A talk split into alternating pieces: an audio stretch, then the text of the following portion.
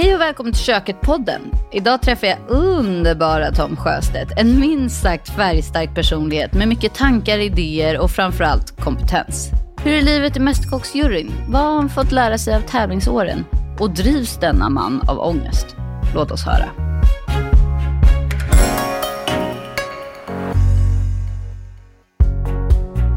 Tom Sjöstedt är superproffset vi inte kan sluta imponeras av. Han driver den hyllade restaurangen Lilla Ego i Stockholm, har tävlat nationellt och internationellt med stora framgångar, medverkar som jury i Sveriges Mästerkock, har lagat Nobelmiddagen och mycket mer. Ja, prestigefyllda uppdrag och utmärkelser finns det gott om på denna mans meritlista. Och samtidigt lyckas han bolla allt detta med familjelivet. Låt oss säga att vi är mer än nyfikna på att höra mer om Tom. Varmt välkommen säger vi till Tom Sjöstedt!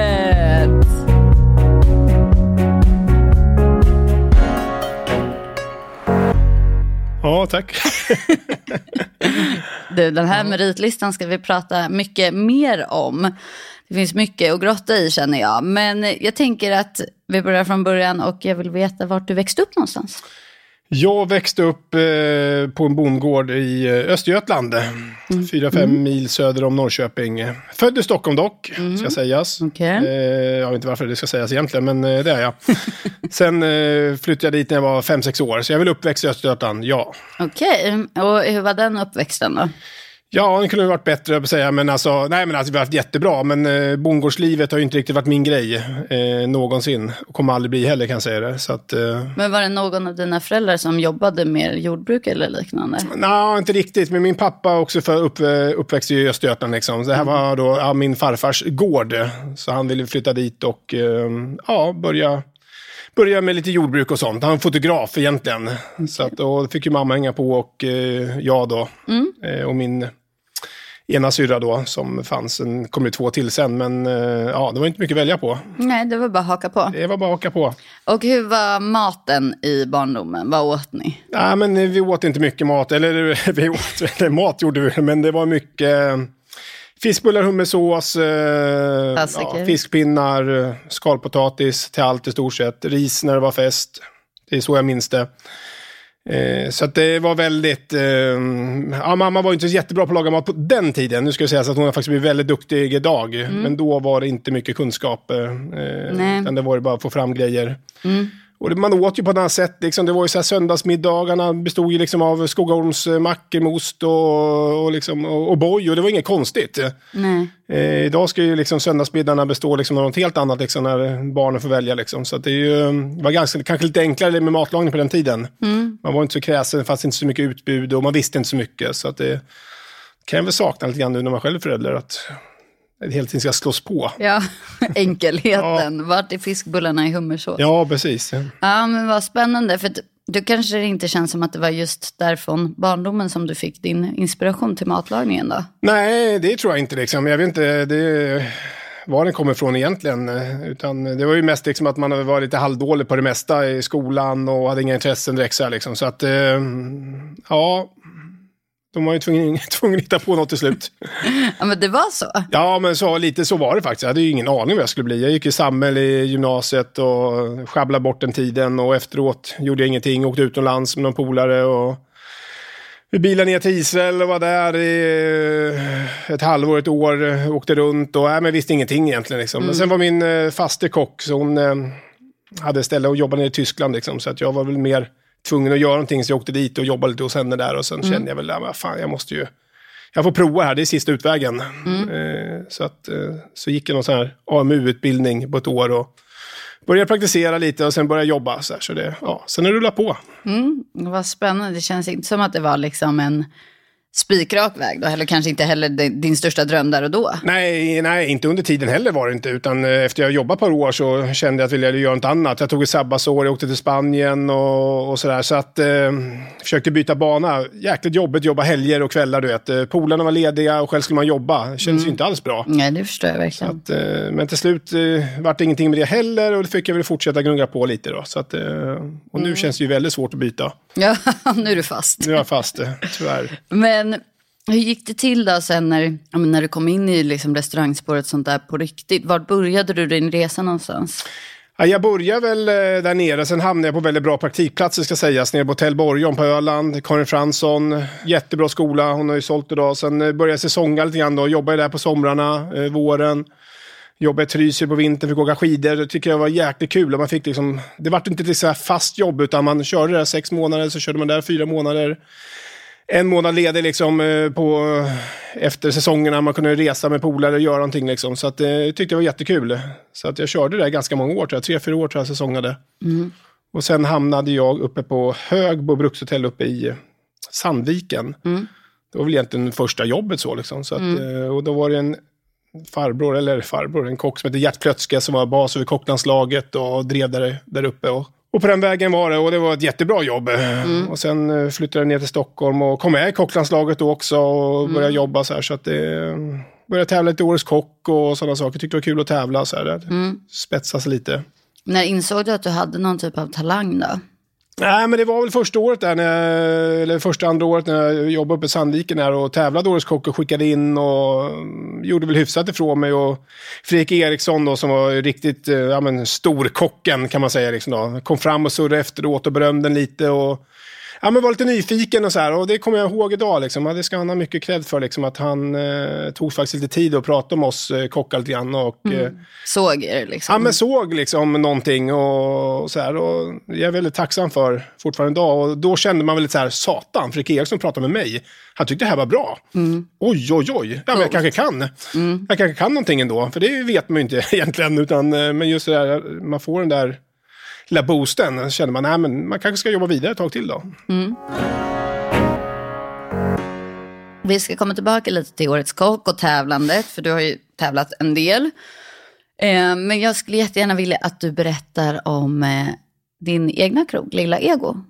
Ja, vad härligt. När öppnade du Lilla Ego? Eh, 2013. Men gud, snart tioårsjubileum. Ja. ja, men snart är det fasen det alltså. Wow! Helt sjukt. Ja, det Coolt. går ju snabbt alltså. Ja.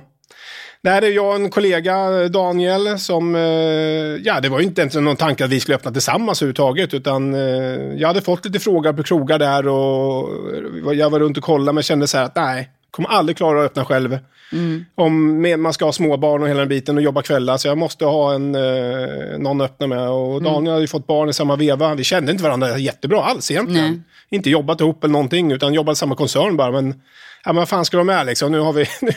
nu finns det en krog här liksom. Och, och sen vann han Årets Kock i samma veva. Mm. Det var ju mm. väldigt viktigt, tyckte jag i alla fall. Och jag tror han också det att man låg på samma nivå någonstans, liksom, att uh, båda hade vunnit. Mm. Ja, men så vi hittade det här stället uh, till slut då. Mm. Och uh, prutade som galningar och sen köpte vi det. Uh fanns ju inte i Stockholm egentligen de här krogarna, så här lite hål i väggen, lite skitigt, lite jävligt, utan det skulle vara väldigt fint och mm. det var ju mycket liksom, skulle renoveras, det skulle vara på visst sätt och det skulle lite, vara lite genom, för, för genomtänkt tyckte vi, att det skulle bli lite plastigt alltihopa eh, mm. runt omkring. Så vi kände att nej, men nu ska det här vara ärligt, det ska vara äkta.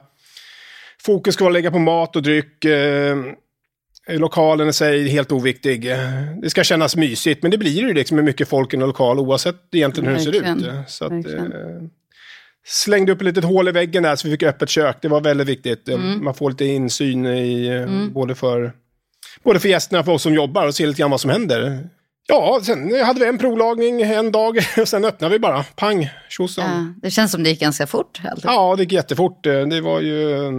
Ja, men så vart ju otrolig uppmärksamhet direkt också. Det var ju, mm. det var ju väldigt nytt, liksom, det här sättet vi lagade mat. Det var à la carte. Eh, det var ganska billiga priser. Vi, alltså, vi hade försökt hålla en ganska låg nivå. Det gör vi fortfarande idag tycker jag om man ser på andra krogar. Det gör ni verkligen. Eh, och sen så, ja men då kom ju alla, ja det vart ju mycket recensioner och det vart ju en jäkla härlig boom där verkligen. Att, att alla vill komma och äta. Mm. Det var ju helt Bra underbart. fart direkt. Bra fart. Eh, det var ju första dagen där vi hade väl 50 gäster och sen, liksom, sen bara ökade det liksom. Sen mm. har vi legat runt 90-120 varje dag, typ, liksom, eller oh, känns det som. Så, att, så häftigt. Ja. Men hur tänkte ni från början med själva matfilosofin? Vad ni skulle ha, sätta upp på menyn och så?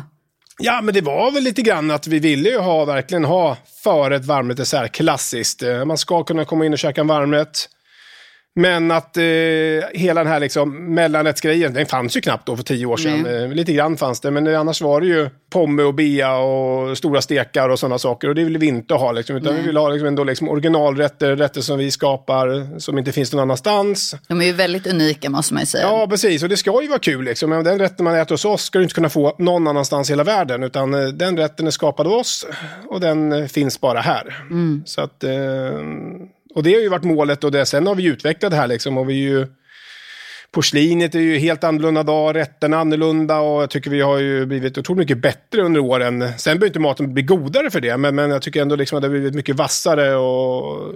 Nej, så det har varit en jäkla resa nu när man, när man tänker på det. Ja, häftigt. Och så att nu, det nästan gått tio år. För att eh, vi pratade om det och det är så imponerande att man kan skapa en restaurang som men det är ju alltid fullbokat. Ja, ja. Det måste kännas så, så mäktigt för dig också, tänker jag. Jo, för er. men det är ju verkligen liksom. Och jag menar första nu, vi satt ju när vi öppnade upp, eh, då satte vi tre månader. Att mm. man liksom kan boka tre månader förväg. Och det gjorde vi inte liksom för att vi ska vara kaxiga eller coola eller tyckte så här, ah, fasen nu ska vi ha fullbokat tre månader. Det var ju mer liksom, har vi inte människor de här tre månaderna, då kommer vi gå konkurs. Vi hade inte en enda krona över. Nej, så det var ju tre månader, då ser vi ju, så man bokar inte på. Varenda koncept tänkte vi inte göra, liksom, utan då Nej, säljer vi bara. Då lägger, liksom. vi, ner. Då lägger vi ner. Eh, och sen när det varit fullbokat tre månader, då var det ju omöjligt att ändra på det här. Liksom. Mm. Så det vart ju lite så här, fasan, ja, man kanske skulle kört en månad, men det gick ju inte. Liksom, utan mm. det var ju tre månader, var det fullt, det gick inte bara stänga.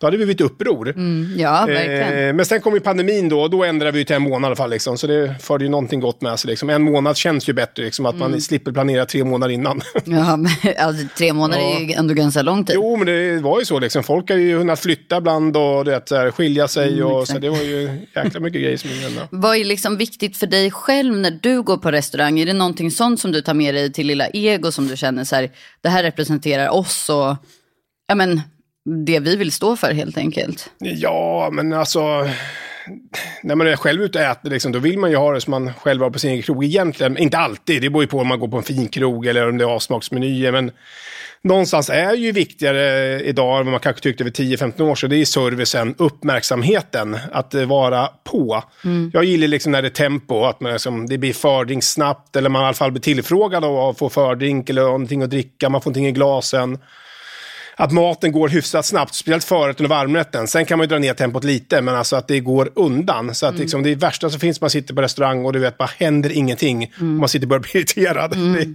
tomt i glasen också. Tomt i glasen, ja det, det, du vet, det är ju... Det, är det värsta. Ja, ja. Nej, det, det får inte hända liksom. Utan, eh, men hur mycket jobbar du nu då?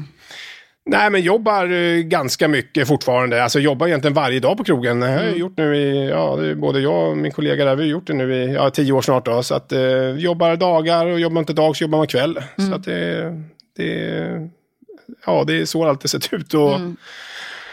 och vi får se hur länge man orkar med det. Uh, det börjar ju tära lite. Men du är ju ung. Ja, ja, tack, tack, tack. Men jag känner mig ju som en pensionär liksom. så det är ju, men men hur, hur funkade det då med hela familjekonstellationen, barn? Hur gamla är dina barn? De är ju, det börjar ordna upp sig nu i alla fall. Nu är de ju 12 och 15. Mm, lite äldre. Lite ja. äldre liksom. Så mm. det, men de var ju väldigt små i början där.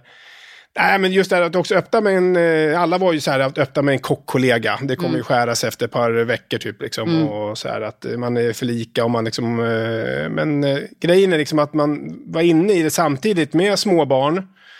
Man hade inga problem när någon vabbade eller var tvungen att hemma eller man bytte dagar eller ja men så det blir med barn liksom. Mm. Det var ju väldigt enkelt för oss att ta hand om det eftersom vi jobbade mycket kvällar så, liksom, så kunde man vara hemma på dagarna och man hjälptes åt och man, det var ju inget så här ska man öppna med någon annan som kanske någon annanstans i livet, eh, mm. som liksom hellre vill gå ut och parta. Mm, eh, och själv då, ja, men jag, måste vara, jag är hemma med sjukt barn de här två dagarna. Liksom. Ja, men vad fan, det, det, jag tror det har varit väldigt, väldigt svårt. Utan vi var ju verkligen på samma ställe. Eh, och hade liksom då förståelse liksom när det, saker och ting sket sig. Eh, väldigt viktigt. Eh, så på det sättet har det faktiskt gått väldigt bra.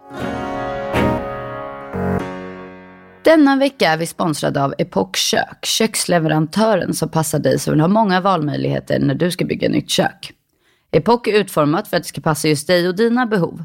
Med över 40 olika luckor och färger att välja på och med stor flexibilitet på stommar och skåp kan du enkelt skapa ditt drömkök. Vi på köket har fått testa att bygga ett kök från Epoch och deras montering är verkligen så enkel. Med ett unikt klicksystem kan man snabbt montera ihop köket helt själv Ett perfekt sätt att spara både tid och pengar. Dessutom har Epoch marknadens längsta garanti på 35 år avseende material och produktionsfel. Med Epoch får du helt enkelt väldigt mycket mer kök för pengarna. Vill du veta mer? Boka ett kostnadsfritt rådgivningsmöte med en Epoch köksspecialist i någon av Elgigantens varuhus eller på elgiganten.se. Men okej, tillbaka lite på hemmaplan då. Du har Mm. två barn, lite tonårs-vibe på Ja, dem då. mm. Vad äter ni hemma? Vi äter, eh, ja vi lagar ju faktiskt väldigt mycket mat eh, hemma, det gör vi ju. Vi, är det du då? Ja, eller vi och min fru liksom. Ja, men hon att det- kan också laga mat. Ja, absolut liksom. Så att det blir ju så när, när jag jobbar eh, så lagar hon mat. Mm. Om inte jag ibland förbereder någonting eller gör någonting liksom. Nu är det ju liksom, är det ju dans och det är fotboll och det är träningar och det är en jävla hets liksom. Mm. Fullt Så det, ja. Och det är väl skönt också ibland när man jobbar kvällar, man kan liksom på dagen kanske styra upp en köttfärssås eller man gör eh, laxbiffar eller någonting. Så det är egentligen bara hem och koka lite ris och göra någonting. Så att det, Mm.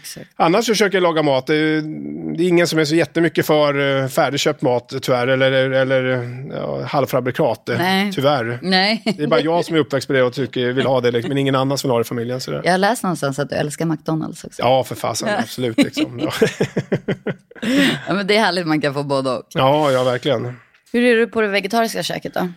Nej, men det är helt okej. eh, så. Vi äter ganska mycket. Dottern har börjat eh, eh, gå in på det spåret lite grann. Liksom. Äter lite mer vegetariskt. Då. Äter lite fisk också, men äter inte så mycket kött. Så här, liksom. inte, det är ingen stor grej. Liksom. Att de Nej. tycker det är godare, enkelt. Liksom. Så, ja, då får man ju anpassa sig lite grann. Liksom. Men eh, gillar ju mycket, jag gillar ju kål. Alltså det är bara rostad kål, spetskål eller bara stuvad kål. Alltså det är så otroligt gott. Liksom. gott. Ja, Ja. Så det, I sin enkelhet. Ja, men lite så. Det går ju att hitta på ganska mycket ändå. Så det kan man ju också göra en god pasta eller risotto eller något sånt. Liksom. Så det, nej, jag försöker variera. Men det är tufft ska jag säga. Liksom. Det är ju fan, tar ju tid att laga mat. Folk tror ju att det, bara, det ska gå snabbt. Och Mm, ja, det men- gör ju inte det. Om man ska laga från grunden och ska stå och hacka och skära. Det tar inte... Det går inte Då, snabbt. nej, då måste man ju gå tillbaka till fiskbullarna i Ja, Hornsås men det eller- går snabbt. Liksom. Ja, Värma det liksom. ja. Så att, eh, Skogaholmsmackorna, ja, precis. Oh, Mm. Saknar den tiden alltså. den goda tiden. Ja. Ehm, men vi saknade ju jättemycket köksmiddag. Ja, ja Mm. men härligt att höra. Där lagade du ju mycket av den här typen av maten som Ja. du har pratat om att du lagar hemma också känns som. Har du någon, några speciella recept som du kommer ihåg som du har lagat som du var liksom extra nöjd med eller extra stolt med? Nej, men vi lagade faktiskt ett recept där hemma nu i förra veckan som jag lagat. Mm. Morot i bröd. Gjorde ni det? Det är ett av mina Ja. favoriter. Jag älskar Asså? det. Men Ja. för jag tycker att det är en... Alltså när jag såg det, det var genialiskt ja. jag. Nej, men det var roligt. Just det, liksom, vi käkar mycket. Men det blir ibland på helgerna men det blir korv och bröd och Mm. hela den biten. Så här, så det, och nu ville dottern testa något annat. Tänkte, ja men nu har jag det här receptet där. Liksom, provar vi det. Eh, och eh, det gick hem väldigt bra faktiskt. Mm. Och det blir ju ganska likt ändå liksom. Man får på lite så här... Lite rostad lök och kanske lite senap på liksom, Mm. så blir det ju faktiskt väldigt gott. Så man får också lite så här styrkan, lite texturen. Ja. Vad är det, moroten går bara länge i ugn va? Ja, precis. Lite salt och olivolja. Så bara försöker man inte för stora morötter, utan ska ju vara som små hotdogs typ. Liksom, då. så att, eh, och sen på med allting. Och sen kan man om vill dra på någon liten bostongurka får man göra det också om man vill. Liksom. Men det, det är valfritt. Ja, men jag har gjort lite roliga hamburgare vet jag. Världens näst bästa hamburgare. Det var, Var det den som var ganska ostig? Ja, precis. Jag tror det. Liksom. Ja, det, jag tror det. Så det ja, men jag har gjort det ganska bra. Många bra. Du har väldigt många recept. Ja, många recept. Och sen är det säkert några som är lite halvdåliga också. Liksom. Men, det är, men så är det ju. Om man ska skapa bra grejer så måste man skapa lite halvdåliga också. Ja, exakt. Men jag tänkte vi ska också prata lite om tävlingskocken Tom. Mm. Eh, för du var inne på det förut, att du har tävlat mycket. Berätta lite, hur, hur, för du började tävla Årets Kock. Ja, precis. Eh, det gjorde jag. Det var första tävlingen jag tävlade i. Ja, Men hur gammal var du då? Då var du ung. ja 25-26 tror jag. Ja, Ja, ungt. ja hyfsat ungt.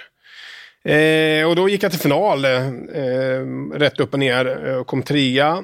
Hade väl inte någon vinstchans då, liksom. men sen så eh, försökte jag kvala in under flera år, men det gick åt skogen. Liksom. Sen så eh, kom jag med i landslaget eh, och det var ju svinkul. Liksom. Det var ju så roligt. Man fick lära sig mycket. och Nej, men så började jag tävla igen då lite grann eh, i Årets Kock och kom med och gick vidare till final och så här liksom. Sen så 2008 så vann jag finalen. Eh, 2007 kom jag tvåa. Eh, så vann jag året efter i alla fall liksom, och det var ju jäkligt skönt. Alltså, liksom. Man lägger ner så jäkla mycket tid på det liksom, så kommer man tvåa. Det är så jävla bittert alltså. Så det kan man lika gärna komma sist. Ja, ja, men jag tänker också just att tävla två år i rad sånt där, för det kräver ju väldigt mycket preparation. Ja, och verkligen. Mycket runt omkring, Ja. tänker jag. Så är det ju. Men eh, det blir ju också när man har tävlat och kom tvåa, då har man ju också lite hum om att man gör ändå någonting som är bra. Eh, så här liksom, man la ju ganska mycket energi första året då när jag kom tvåa, eller det året. Året efter, då vet man okej, det här var bra, det här var mindre bra. Tränade mycket mindre det året jag vann. Okej. Eh, kände mer att jag hade koll på liksom vad, Det här kan jag förbättra. Ja, men lite så. Vad det här vill jag laga och det här står jag för och hela den biten. Och, eftersom man tävlar med landslaget också så hade man hela den här logistikbiten och man hade ju flowet, liksom, hur man jobbar i ett kök under press och hela den biten och vad man ska tänka på. Liksom. Så man har ändå fått, eh, varit mycket enklare att tävla då faktiskt. Mm. Så att, eh, och, nej, det var skönt. Väldigt, väldigt skönt. Och sen så har du varit, ni, du, ni vann något eh, stort pris med kocklandslaget eller? Ja, men det vart ju OS-guld och vi vann VM-guld och OS-guld och vi vann eh, mycket. Jag var ju med åtta år, för Oj, oj, oj, man är med ja. fyra år. Eh, Åt gången liksom. Ja, precis. Och då vann vi väl något VM-guld då tror jag. Liksom. Och sen, men OS är det stora, men då kom vi trea i OS. Och det känner man ju så här, det kan man ju inte leva med riktigt. Mm. Nej. Det känns ju extremt bittert. Så att, eh, då hoppade jag på fyra år till då. Ja. Eh, Så att, Och då vann ni. ja, då vann vi. Då vann vi. Ja, men då vann skönt. vi allt. Då vann vi varenda kategori också. Liksom. Och sen då liksom, det sammanlagd poäng. Liksom. Så det var ju en total utskåpning. Det Ah, wow. var skönt. Ja, men det är skönt att vinna stort också. Verkligen. Vi skulle kunna tävla nu igen eller? Nej, men nu känner jag liksom eh, mig klar. Du har gjort det. Sen är det ju någonstans, liksom, man står på krogen och kör kvällar, det är ju en tävling egentligen varje kväll. Alltså bångarna kommer liksom och det är, allt ska liksom levereras till 100% och det är tidspress och sådana saker. Så, så det känns ju ändå att man, man får göra det ändå, fast på ett annat sätt, lite mer på äkta. Men, men inte kommer ställa mig i ett tävlingskök igen, liksom. det, det kommer jag inte göra. Nej, Det- du, du det är är klar över med nu. det. Ah, Ja. Då får du guida de, de ynglingarna som Ja, börjar precis. tävla nu istället. Ja, hellre det liksom. Det är roligare. En, en kategori i ditt liv som vi är väldigt nyfikna på är ju Nobel. Ja. Det måste ju, kan du berätta om när du fick förfrågan om att ta fram Nobelmiddagen? Eh, ja, det var ju Gert då, Krötske, som eh, hörde av sig då. När han ringer liksom är man alltid lite nervös. Ja. Det bara är så. Vad är på gång nu? ja, precis. Eh, nej, men då träffades vi och så frågade han det liksom då, om jag ville köra liksom. Och, nej, men alltså det är ju... Nobelmiddagen är ju bara, det är ju ingenting man säger nej till liksom. Utan Nej, är ju en- det var ett självklart ja. Ja, ja, absolut liksom. Ja. Det är väl ändå bland det mest prestigefyllda. Ja, men det där är ju verkligen en av världens största middagar. Liksom. Så att det var ju otroligt kul att få frågan. Och sen började ju tankarna snurra direkt. Liksom. Det att man bara, oh, vad ska vi göra nu? Fy Vad ska man göra? fasen vad nervös. Ja, det är ju skitnervöst liksom. Och, mm, ja, vi hade en massa upplagningar där och det är många som ska tycka och tänka. Så det är ju det är inte liksom vad jag tycker. Och, sen ska det också fungera för så många människor. De här faten, det ska värmas, det ska liksom hålla temp, det ska se lika snyggt ut som när det är kallt. Ja, det är mycket att rodda med liksom. Men, Åh, herregud, det är ju en hel Ja. vetenskap känns det ju som. Ja, men lite så blir det ju faktiskt. Men jag tycker ändå vi fick till det otroligt bra och jätteglad över det vi, det vi lagade. Mm. Eh, fortfarande nöjd liksom. Och jag menar, de var också riktigt nöjda och det är ju kul också att det alla... är- Verkligen, viktigt också ju. Ja, verkligen känslan. alltså. Och jag menar, någonstans la vi ner väldigt mycket fokus på att det skulle funka för många och för att det ska vara lika gott när det var varmt och värmdes och, hela den biten. Att man verkligen, eh, samtidigt måste det ju se vackert ut också. Ja, herregud, det är så det- höga krav. Ja, precis. Det är ju det. Man äter ju med ögat också. Ja, hur många är det man lagar till? Det är ju runt 1500. Det är väl, eh, jag vet inte om det är 1400. Sen är det ju, ska man laga ju också liksom till, eh, till saker som går ner i stadshuskällan. Och sen ska det sparas lite till dagen därpå. Alltså man lagar ju så mycket som man håller på liksom att krevera. Så det, ja, men säg 1500 då. Ja, men det är Så det kanske är otroligt. 1390 ätande liksom. Då, så här, så det är Ja. 1500. Ja. Det är helt otroligt Ja. att det ska läggas upp på varenda tallrik. Jo, det ska ju det. Så det är. Ja. Nej, så det var ju... Nej, men sen tycker jag ändå liksom, vi fick ju laga en vegetarisk förrätt och hela... Det var ju också, det var första vegetariska Ja. någonsin, eller hur? Ja, precis. Och det var ju kul. Och det var ju något vi ville, men det var ju inte säkert att hade vi inte fått till det, då hade man ju tvungen att addera någonting, något protein för att, att det skulle bli ätbart. Men eh, just att, nej, det varit väldigt, väldigt gott vart det. Mm, vi har ju en variant på den eh, vegetariska Ja, precis. På finns, köket. ja, precis. Ja, ja, lite en det är faktiskt, variant. ja, jag brukar dela den ibland till typ så här, ja, men nyår eller liksom högtider och sånt. Den är faktiskt ganska populär. Ja. Jag tycker ändå folk vågar ge sig på den. Det är ett bra, en väldigt bra förrättsalternativ. Ja. Ehm, men vad, vad, alltså vad tänker man då? Hur tänker man när man tar fram recept till Nobel? Hur, vart börjar man? Ja, du, bra fråga. Men, eh, nej, men man börjar ju titta lite grann med råvarusäsong eller vad, vad, också lite grann vad som gjorts innan. Mm, Inte bara liksom vad, vad som har gjorts utan liksom vilka råvaror som använts. Eh, Och, och sen eh, kommer man, kommer ju man med idéer. Själva då Gert och Fredrik som sitter då med i den här kommittén. Mm. grann Liksom, ja, men vi vill eh, köra kanske det här, vi vill prova det. Och sen får jag komma med idéer. Mm. Så kommer jag med tre varmrättsidéer, tre förrättsidéer. Så kommer vi överens om att vi satsar på de två. Så kör vi en upplagning då på ja, eh, två olika liksom förrätter och två olika varmrätter. Och så lagar man upp det på fat och hela den här biten. Så kanske man plocka garnityrer fram och tillbaka. Så måste det funka på fatet och ja, det måste liksom få tag på de här råvarorna också. Ja, exakt. Bara det är ju problem. Första året hade vi lamm. Eh, till varmrätt då liksom. Det var ju, ja, satt ju skiten sen liksom, när det väl skulle få fram det här lammet. Liksom. Det räckte ju inte riktigt. Så att det, det är mycket sådana saker som spelar in att det ska finnas. Ja, såklart. Men vad gör man då till exempel när du hamnar där med lammet? Hur löser man en sån situation då? Nej, man fick ju panikringa till alla leverantörer i Stockholm med omnejd. Liksom, Så det var ju försöka hitta liksom. Så att, eh, så det blir lite halvtråkigt. Liksom. Så vissa vet ju, liksom, fick ju ett bättre lamm, vissa fick lite, lite sämre. Eh, så. Och det är ju och det är sådana saker som man inte kan göra någonting åt. Nej. Även om jag som kock blir, liksom, eh, blir ledsen eh, Ja, och så, så är det, vet man själv om att man såg det här, wow. Och det här var inte riktigt det vi tänkte. Nej. Så kan det gå. Mm. Du är ju jury i Sveriges Mästerkock. Ja. Hur, hur är det?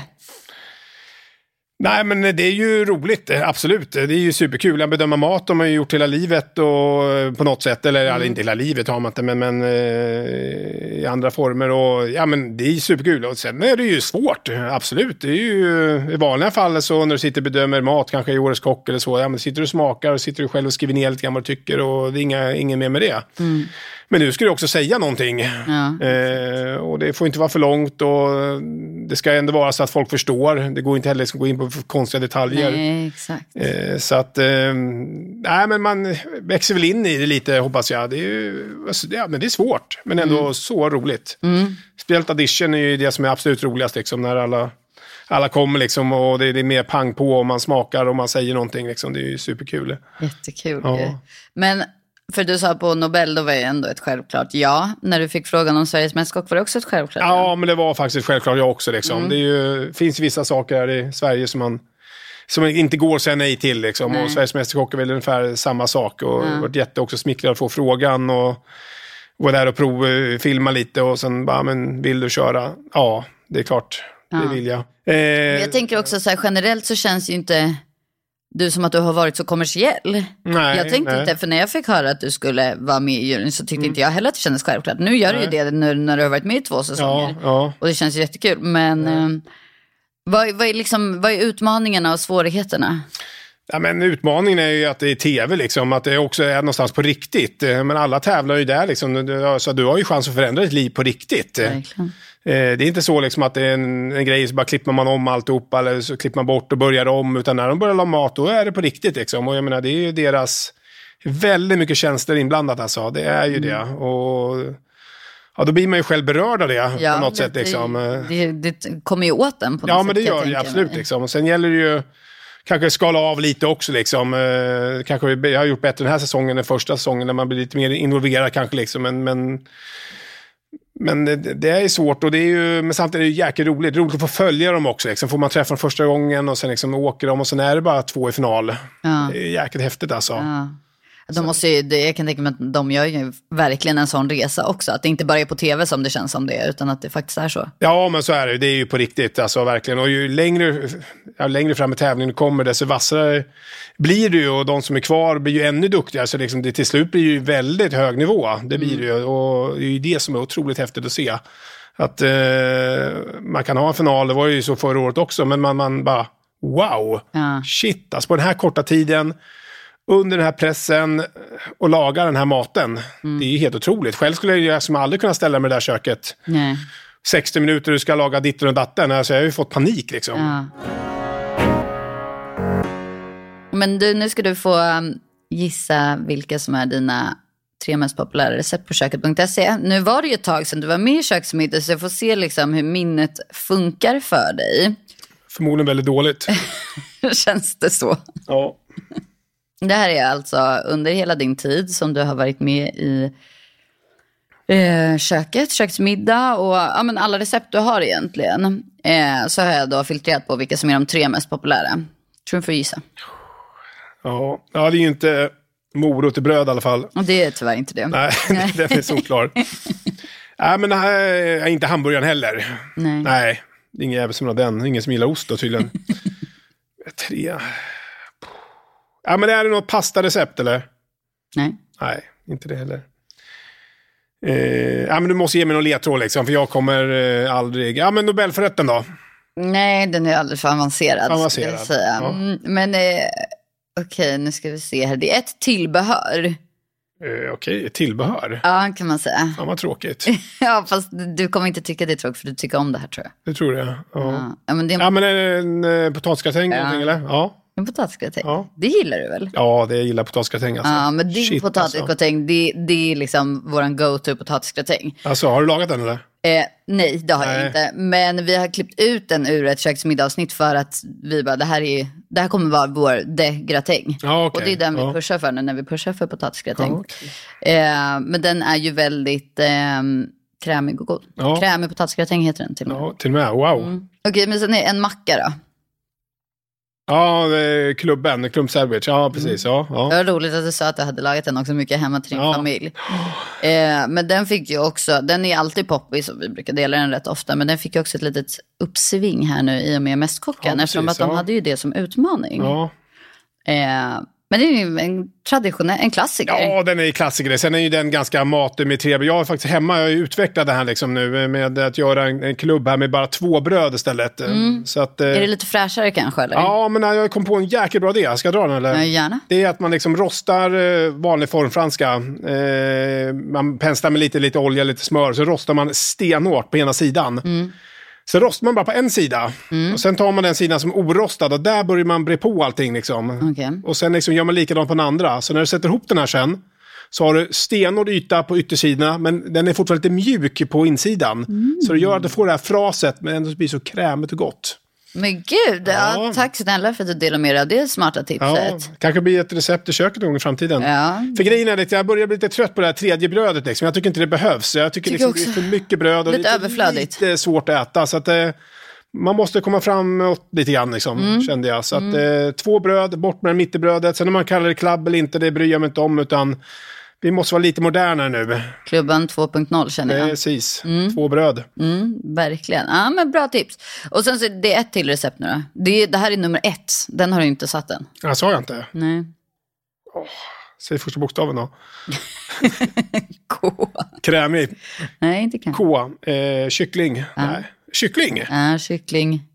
Kebab. Kycklingkebab. Ja, ja, ja. Fan vad kul. I pitabröd. Ja, men vad roligt. Ja. Mm. Den har jag faktiskt gjort själv. Jaha, där ser man den alltså, gamla dängan. Ja, den har man, tänker man inte på. Mm, fast den är väldigt god. Den är det? Ja. Ja, ja men bra. Då, då litar jag på...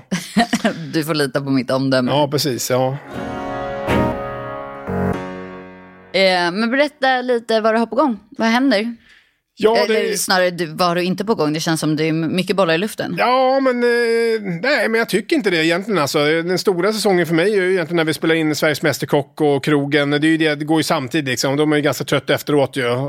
Annars gör jag inte så mycket alls. eh. Nej. Så att, eh, nej men nu är det ju full fokus, alla restriktioner har ju släppt och nu är det full fokus på krogen. eh, Och, och man delar ju upp det lite grann så här, liksom. Nu kör man ju, nu har det sport då, snart är det påsk och sen är det ju liksom fokus eh, fram till sommaren. Det stänger ju 10 juli så det är ju full fokus på det i stort sett. Har ni stängt en viss period under Ja, vi sommaren, stänger eller? fem veckor under sommaren liksom. Så att alla har semester och alla får vila upp sig och sen öppnar upp augusti igen. Så att, eh, Men gud, det är eh, föredömligt tycker jag. Ja, men det tror jag också. Liksom. Sen skulle man ju säkert kunna ha eh, helt fullt hela sommaren också. Men Mm. just det att det är ju en ganska liten krog med en ganska liten personalgrupp. Viktigt med Eh, återhämtning. Ja, viktigt med återhämtning och viktigt att alla får ledigt samtidigt också. Så att eh, så stänger man liksom. Det är otroligt Mm. skönt. Då vet man att det är stängt. Ja, men exakt. Behöver man inte heller ta in massa extra personal Nej. under semestrarna och sånt där. Precis, och liksom man, eh, ingenting kan hända. Nej. Jag tänkte på Lilla Ego, det är inte så här man, du, ni funderar på att öppna någon alltså, systerkrog eller liksom göra någonting, öppna nej, fler? Nej, nej, det är ju lite det varit storheten att bara hålla det här liksom. Men som Mm. sagt, det går tillräckligt bra, absolut. Vi skulle säkert öppna fler ställen och det skulle gå ännu bättre, men eh, det finns inget driv för att göra det liksom, utan det är bättre att vårda det man har och se till att göra det bra och lite bättre hela tiden. Det har ju varit filosofin. Däremot skulle någon liksom, eh, fråga om vi skulle öppna upp Lillego i Palma eller New York. Ja, men det skulle jag fan kunna tänka mig. Alltså göra någonting sånt eh, istället, något helt annorlunda. Eh, någonstans där det är varmt. Ja, Ja, men, ja, det hade varit coolt. Ja. Men eh, inte någon annan Lillego i Sverige eller Stockholm med Nej. någon filial eller någonting sånt. Utan eh, jag tror krogen ska vara på den stället det är och, och så får man köra det liksom bara. Där. Fokusera på att göra det bra. Liksom. Ja, precis. Ja. Mm.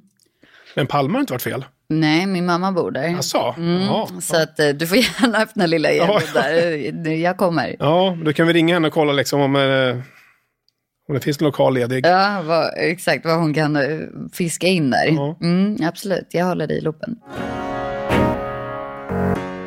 Men du, det känns som lite så här som du framstår i tv och som jag får en känsla av dig att du är så ganska hård på utsidan men du är inte så jättehård, eller hur? Du är ju en mjuk, det är Stefan som har sagt till mig att du är en mjukis.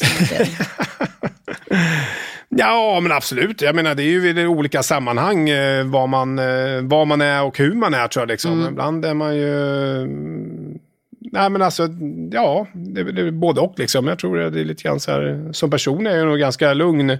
Sen liksom, kan jag ju vara extremt irriterad eller man är arg men på jobbet på saker liksom, som inte funkar eller liksom att man tycker att det är... Så man vaknar på dålig, en dålig, dålig dag har man väl lite då och då också. Liksom. Jag, menar, men jag gillar ju liksom att när man inte rullar på, det är ordning och reda, att det, det funkar och då, då är jag glad. Men liksom när det är strul på jobbet och det liksom är saker slarvigt gjorda eller ja, men då är man inte så jävla glad. Alltså. Det, Nej, det, så är det. så är det. Men som, som, som människa överlag så hoppas jag att jag framstår hyfsad glad ändå. Eller glad, glad är jag fan inte, men alltså Ja, jag vet inte vad. Vad sa du? Vad sa? jag sa att du var en mjuk. Mjukis, okej, Mm. ja, mjukis. Ja, ja, det lät ju... Är det bra eller dåligt eller? Bra, tänker jag. Okej, ja, du tänker så, men det, det tror jag inte. Snäll då. Ja, kanske det. Ja. Ja. Jag tänker när man är med i Mästerkocken måste du ju ändå tänka mycket på så här hur, hur du framställs. Eller gör man inte det? Ja, men eh, det gjorde jag. Första året nu eh, gjorde jag det. När de körde audition där, liksom, de framställde mig jävligt hård. Då såg jag liksom hela tiden och det var det de klippte med. Liksom. Och då fick jag ju väldigt mycket kommentarer liksom att vad fan är det som händer? Var, varför eh, är du sådär? Och, Jag menar, det är ju ändå amatörkockar och Du så. vet liksom. att det var många som skrev till oss också. Alltså, ja. ja. Tom han är så arg och elak. Ja, precis. Ja. Då kände att det var lite orättvist klipp då kanske. Ja, men det var. De ville ju, vi, eftersom jag var helt ny liksom, så ville de ju liksom... Så visste de väl inte heller liksom hur, man skulle, hur jag skulle vara eh, under säsongen eller vad de ville ha mig. Det blir ju så när man hoppar in i ett så här stort projekt och det är första säsongen och man vet inte hur man ska få ihop det liksom, med Mischa Marcus och, och så. Liksom. Och så testar de och labbar de lite. Liksom. Ska han vara den hårda, elaka jäveln eller ska han... Vem ska han vara? Mm. Så att det var, ja, men det var lite halvjobbigt faktiskt tyckte jag då. När det var, det var stenhårt. Eh, Men sen lugnade det ner sig under säsongen i alla fall. Liksom då. Eh, Känns också lite mer balanserat nu i säsong två ju. Ja, men det tycker jag också verkligen. Alltså, absolut. Sen, eh, och jag menar, hur det klipps, det kan man ju faktiskt inte göra någonting åt. Nej. Det är också, det ska ju vara bra på tv också. Ja, det ska ju vara bra på tv liksom. Så det måste ju sågas lite här och där och så liksom. Men eh, jag tror att jag är nog ändå är ganska rak. Jag säger vad jag tycker och, och så. Är det dåligt att säga det liksom. Det går inte att hålla på liksom. Det är ändå så här, måste ju ändå vara ärlig. Det är ju också, det är ju i all matlagning egentligen och speciellt när det kommer till tävlingsmatlagning som det här också är. Så det är viktigt att säga vad du tycker och vara ärlig. För annars gör du ingen bra bedömning. Att sitta liksom och bara smyga med och... Är man liksom nu när Jimmy liksom tävlar på kryss nu, är man där och då är man ju där av en anledning. Då måste man säga att ja, men det här är riktigt dåligt, det här är bra, det här, så här skulle jag göra om jag vore du. Det här skulle jag inte göra, bla bla. Sen får ju de värdera det här. Ja, men, ja, men det där är jättekonstigt att säga. Ja, men det där var en bra idé. Eller så får de själva liksom, eh, ja, men, sortera liksom, mm. vad alla säger. Men säger man bara, ja, det var gott. Och så går man därifrån. Ja, men då ger det ingenting liksom. Utan, Nej, det finns ingen anledning för dig att vara där. Nej, det egentligen. finns ju ingen anledning liksom att prova mat och vara en del liksom i, i det här. Och det är väl lite i Mästerkocken också, att man, man säger vad man tycker. Sen eh, tycker ju kanske inte vi alla tre likadant, Mischa, jag och Marcus, men Oftast gör vi det. Eh, men ibland absolut inte. Liksom. Mm. Nej, men då måste man ändå stå för det, vad man tycker. Och, Mm. och så, så att det, och ibland kan det bli hårt, och ibland kan det bli snällt. Ja, så är det ju. Men du, det känns som att du är lite ångestladdad, eller? Ja, men det är det ju. Liksom. Man är ju väldigt tänkande så. Mycket, mycket, tänker mycket. Så, här, så det, det, Mm. då, då, när man tänker för mycket och för länge, liksom, då, då hinner man ju dra många saker många varv om man säger så. Mm, det är så det farliga. Så att, eh, ja, nej, men det är något man försöker jobba på lite grann, men eh, det är svårt. Man är sån som människa lite grann, att Ja, då är det svårt att bara ja, helt plötsligt, just det här, när livet är ganska inrutat också, liksom, så är det svårt att vara spontan och, och leva det livet. Så man kanske skulle vilja vara lite mer spontanare och göra saker lite mer spontant. Och, men det blir svårt. Mm. Ja, men jag förstår det. Och du är ju liksom, ja, men dels att bara ha en familj liksom och allt vad det innebär, men sen så är ju krogen också som din familj, som du Ja. måste underhålla hela tiden. Liksom. Absolut, så är det ju. Men jag tänker att vi ska i alla fall avrunda detta härliga samtal med fem snabba frågor. Japp. Och då undrar jag, vad skulle du välja som sista måltid i livet? Jag gjorde precis en grej här nu i, eh, jag fick frågan här, jag vet inte om det var Aftonbladet, eh, exakt samma fråga. Då måste jag ju svara samma sak, annars känns ju liksom, Ja. folk, annars kan ju inte folk lita på mig. Nej, vart är trovärdigt? Ja, då skrev kebabrulle. Ja, kebabrulle, har du något speciellt ställe som är liksom Nej, men det ska vara bästa? ja, men viktigt med så här småstadskebab. Det får inte vara så här fin kebab. Liksom. Det är också det man är lite uppväxt på. Liksom. Jag äter så mycket kebabrullar så du förstår inte. Liksom. Eh, så jag tänkte, jag måste ändå få avsluta med en också. Mm, ja, Och de är ju inte så här jättebra egentligen, utan det är ju bara mer känslan att det ska vara en ful kebabrulle. Mycket feferoni, röd och vit sås. kebabrulle är alltid en kebabrulle. Liksom. Alltid kebabrulle. Eh, och vad landar aldrig på din tallrik? Inälvsmat. Ja, det är inte din grej. Nej, ja, fy fan. Alltså, jag kan inte förstå det. Alltså, jag, liksom, nej, det är inte gott. Alltså. Jag tycker inte det. Nej, Nej det är lite speciell smak. Så. Mm. Vilken är din favoritråvara? Ja, det är också en väldigt stor fråga. Eh, vad vill jag ska svara? Ärligt. Ärligt, okej. Eh, nej. Vatten, kan man säga det? Eller? Vatten. Nej, nej, för fan vad tråkigt. Nej, men jag, jag, jag har ingen aning liksom. Alltså, det är så här, det går ju du känns extremt lite liksom. som en smörkille eller? Jo, men, nej, men det är ju inte egentligen heller inte liksom. Nej, nej, nej, för fasen. Smör är absolut jättegott, men eh, favoritråvara. Om vi säger kål då? Ja, men det är också så jävla tråkigt, så jävla pretto. Va? Kol. Vatten, du tyckte det var inspirerande. Ja, men det är, vatten använder man till så jäkla mycket. Alltså, liksom. En vik- viktig del i matlagningen. Ja, okej. Ja, du Eh. vurmar för vatten. Eh, nej, men jag säger vitlök, jag gillar jag. Ja, det var- tyckte jag var ganska Ja. bra svar. Eller liksom, Ja, men det är också... rätt men- en- förväntat, men Okej då, ja, det var ju tråkigt också. Tycker jag. det var roligare än Ja, men jag säger det, vitlök. Ja, Ja, men jag säger lök då. Ja, det, Lök är gott. Ja, det är fler som har sagt det också. Ja, fan vad tråkigt. Ja, men inte lök då. Rotselleri. Ja, det, Jag har alltid sagt rotselleri förut, så säger Ja. det också. Körde på Nobel är eh, tillbehör. Helbakad rotselleri så vi karvade ur fyllde med rotsellerikräm. Wow, Jäkligt bra. mm, avancerat. Ja. Eh, Okej, vem skulle du helst vilja äta middag med, död eller levande? Och det är sådana frågor som man skulle behöva få en månad innan, liksom, så man kan ligga och grumla, grubbla på nätterna. Liksom. Så, eh, Du ska inte fundera så mycket, du, bara, du, kan ju säga någon, vem som helst. ja, jag vet. Men det är liksom, känns ju bara liksom att jag kommer svara fel. Det finns inga Eh, fel svar. Jo, det gör det absolut. Jag ratade i ditt vattensvar. Precis, vänta bara ska jag säga något som är riktigt jävla fel. det finns mycket, mycket fel här man kan säga. Eh, nej, men jag skulle vilja göra då, jag är som fotboll, jag fan, ja men jag, nu vet jag. Jag skulle fan sitta och käka middag med Jan Andersson. Ja, trevligt. Han, ja, men jävligt trevligt. Han var på krogen nämligen för ett tag sedan liksom, och eh, jag visste inte om det. Liksom. Jag ute i matsalen skulle serveras och bara, hej! Och du vet, vart jag så starstruck. Ja, jag, vet inte, jag visste inte vad jag skulle ta vägen. Nej. Jag var så jävla stressad. Men han skulle säkert vilja äta middag med dig, tror Ja, inte? ja men absolut liksom. Men och vet jag- ja. Han, jag tycker han verkar vara så trevlig. Ja, men jag också det. Jag gillar honom liksom. Ja, men Mm. det är så att, och så börjar jag babbla, du vet. Liksom. Jag bara så här, men du vet, bara, tja, jag vet. Ja, jag är också fotbollstränare. Han bara, jaha, eh, är du? Ja, han- grabben slår, jag bara, är fan tungt. Ja, vi har ett tufft jobb. Ja, du vet, jag bara säger så konstiga saker. Och du var jättenervös Ja, jag var så nervös liksom. För jag visste inte att det var han, utan bara, det var som en liksom bara så här. Ja, du, ja. Så att eh, jag skulle behöva ta revansch. Ja, så att jag, hör tar en middag med Jan Andersson en dag. Får prata fotbollstaktik och uppspel och... ja, kul. Ja. Ja, ja, jag tror att han är, hade varit trevlig att äta middag med. Han verkar vara en god grabb. Okej, sista frågan då. Frukt i mat, ja eller nej? Nej, nej. Nej. Det går, ja, om man gör det bra, men eh, helst inte. Nej, ja, det var svar på frågan. Ja. Eh, tack snälla för alla dina fantastiska svar och tack för att du kom hit. Tack själv, kul att jag fick komma. Ja, självklart. Jag har ju tjatat ganska länge för att få komma. Så det... Ja, exakt.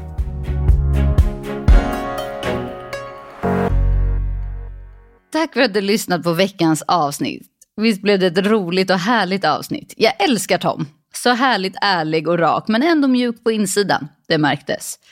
Nästa vecka träffar jag The King of Cakes, Roy Fares. Det vill du inte missa.